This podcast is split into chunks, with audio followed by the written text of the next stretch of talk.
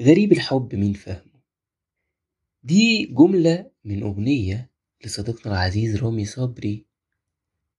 والحقيقة إن الحب ده فعلا من أغرب الحاجات اللي ممكن نقابلها في حياتنا. أنا بعتبره سر من أسرار الحياة دي. مشاعر مش سهل تفهمها ومش سهل تعرف هي جاية منين ورايحة لفين. الحلقة دي عن فلسفة الحب. شخصيا. أنا كيرو راجي ودي حلقة جديدة من اسمع مني.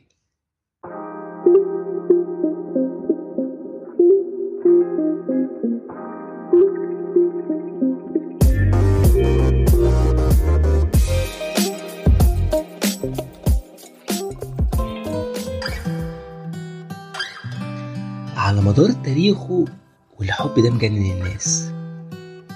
ومحدش قادر يفهم إيه فلسفته؟ ولا إيه أسبابه؟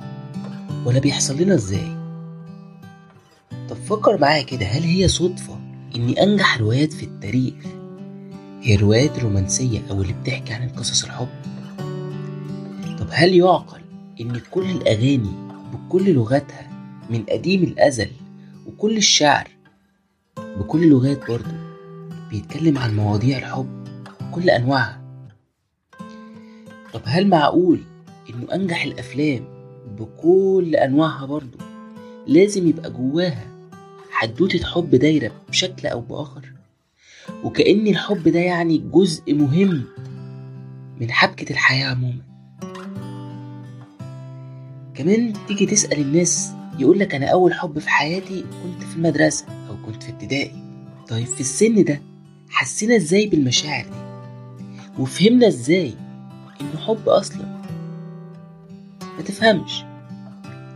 طبعا هو بيكون حب على قد مفهومنا وقتها لكن اللي عايز أوصله إنه واضح اننا جايين للحياة بفطرتنا كده عارفين إن في حاجة اسمها حب وبندور عليه وعايزين نحب ونتحب.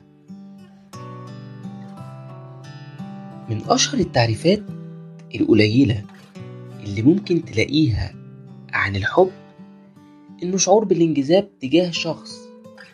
بس لحد دلوقتي محدش عارف إيه أسبابه الواضحة ولا الطريقة اللي بيحصل لنا بيها. زي الجاذبية كده تقع تفاحة على دماغ عمنا نيوتن؟ فيقعد بقى يشوف إيه اللي خلى التفاحة تقع على الأرض بدل ما تطير في الهواء فنفهم إن في حاجة بطريقة ما مش شايفينها بتجذب الحاجات ناحية بعض. بقوة لا تقاوم ومنها حطينا قوانين وثوابت للجاذبية. من غير ما نعرف إيه هي الجاذبية دي أصلا. الحب بقى نفس الموضوع. إحنا عارفين إن في حاجة بشكل أو بآخر اسمها الحب.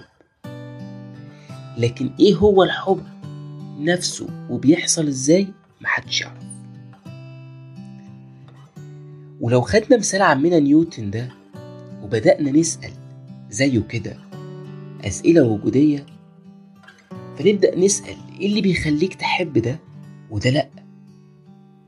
إيه اللي بيخليك تقبل تصرفات معينة عشان بتحب حد ونفس التصرفات من حد تاني ما تقبلهاش؟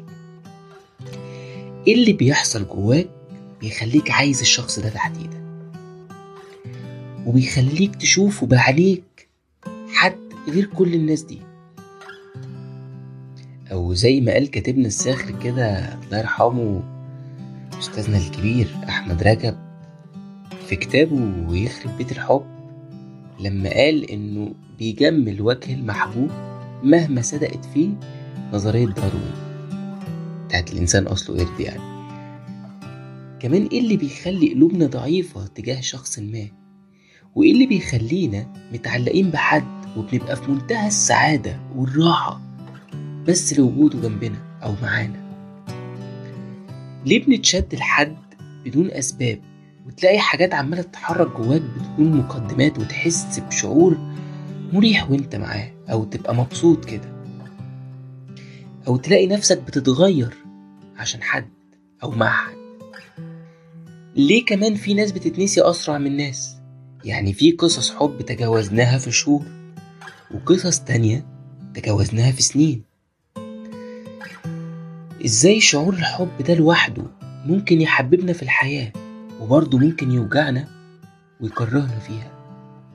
كل دي وغيرها أسئلة مبهمة مش هتلاقي لها إجابات واضحة. وهنا تعرف إن الحب فعلا من أغرب الحاجات اللي ممكن نقف قدامها في الحياة. ولو دخلت بطريقة أعمق وحاولت تفهم شعور الحب فتسأل نفسك هو إيه الإحساس ده أصلا؟ هل هو مجرد هروب من إحساسنا بالوحدة واحتياج لحد يملى الايموشنال نيد أو الاحتياجات العاطفية بتاعتنا؟ ولا هو مجرد أمل في إن حد يجي يساعدنا ويغير من حياتنا أو يحقق لنا اللي مش قادرين نحققه أو نفسنا نحققه ومش عارفين لحد دلوقتي. وليه كل الناس دول في الحياة لابسين في حيطة برضه بسبب الحب؟ دي أسئلة مهمة لازم تسألها. والأسئلة دي بالمناسبة برضو مش مجنننا إحنا بس دي على مدار التاريخ جننت أعظم الفلاسفة وأتخنهم. وكل اللي بيعملوه الناس هو إنهم بيحطوا تعريف بتاعهم هم للحب زي ما شافوه أو جربوه أو زي ما هما محتاجينه وعايزينه كلنا بنعمل كده. فتلاقي ست مثلا تقول لك أنا الحب بالنسبة لي الأمان. وراجل يقول لك الحب إني ست تشوف احتياجاتي أو تدلعني.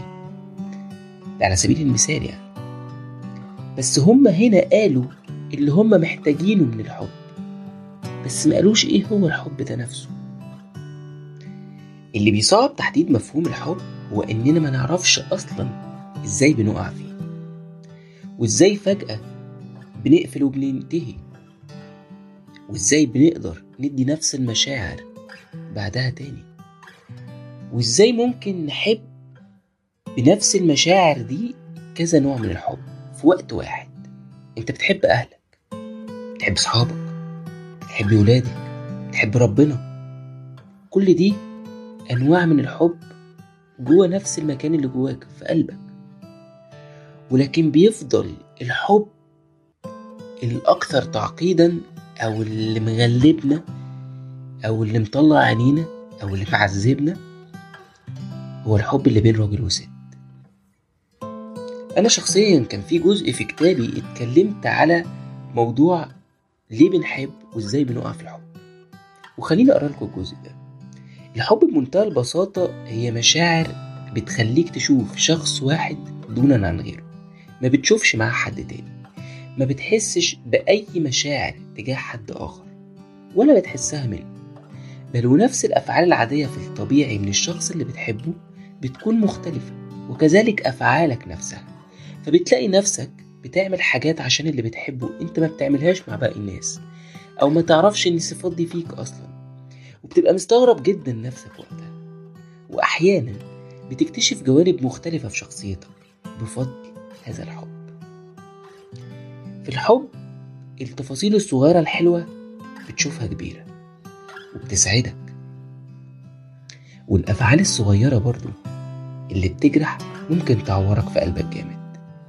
لكونهم بس فقط من شخص بتحبه. بتلاقي روحك بتنبسط معاه بأهبل الأشياء وبتستمتع وياه في أبسط اللحظات حتى لو ما بتعملوش سوا حاجة تذكر. وحتى المشاعر اللي بتوصل لك من اهتمام وغيرة وحب واحتواء وأمان كلها مختلفة تماما لو من شخص أنت بتحبه عن أي شخص تاني عادي. وعشان أكمل الجزء ده من الكتاب فالجزء اللي بعده كان إيه اللي بيخلينا نحب الشخص ده دونا عن غيره أولا هو التوقيت اللي بيظهر لك فيه الشخص والطريقة أو الموقف اللي بيدخل بيهم لحياتك أو بيدخل لك أنت منهم. المشاعر اللي وصلها لك في البداية بنظرة بكلمة أو حتى بابتسامة لطيفة الاهتمام اللي بيديهولك أنت لوحدك. التوافق والتفاهم والقرب اللي بتحسه بالحاجات المشتركة اللي بتبقى بينكم. أفكاركم المتشابهة ومشاعركم المتفاهمة على الأقل في البداية. وأوقات بنقع في الحب كمان لأننا عشنا نفس الظروف أو مرينا بنفس المعاناة. وأحيانا برضه بيكون الغموض نفسه هو السر اللي بيقربك للشخص بدون أسباب واضحة. والموضوع ما بيبقاش دايما مفهوم ومش لازم يكون فيه توافق وتفاهم أو حتى تبادل مشاعر عشان كده أوقات بنحب ناس مش شبهنا. وما بتبقاش فاهم ولا عارف إيه اللي بيشدك ليه وبيحببك فيه ومخليك تقبل باللي عمرك ما كنت تتخيل إنك تقبل بيه أو تقع في حب حد من طرفك أنت وبس. كمان صعوبة الحدوتة واقترابها من الأفلام الرومانسية والروايات وكلما زادت استحالة العلاقة زاد التعلق بيها أكتر. عشان كده بتجد قصص الحب اللي بيرفضوها الأهل أصحابها بيستموتوا عشانها أكتر.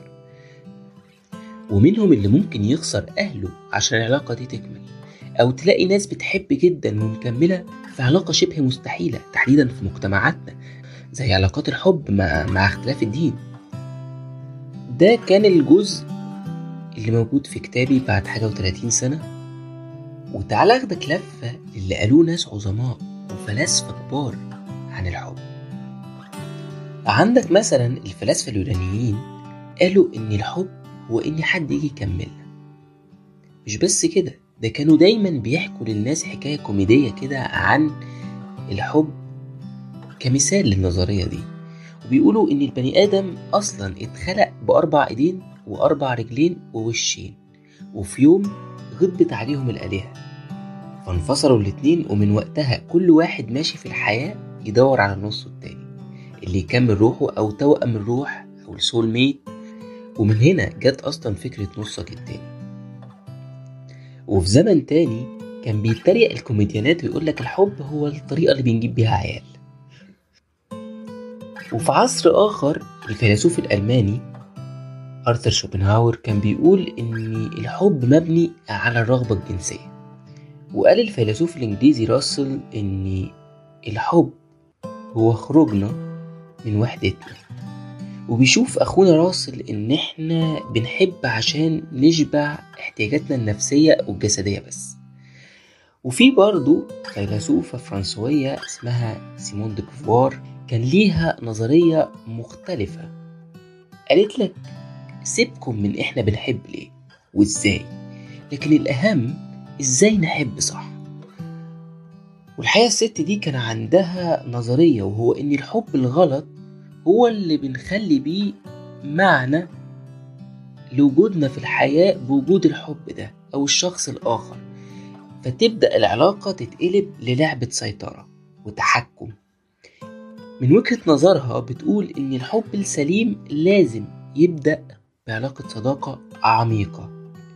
ولو رحنا حد كمان ناحية العرب هتلاقي مثلا شمس التبريزي كان بيقول الحب هو ألا تخاف وأنت وسط بحر من الخوف.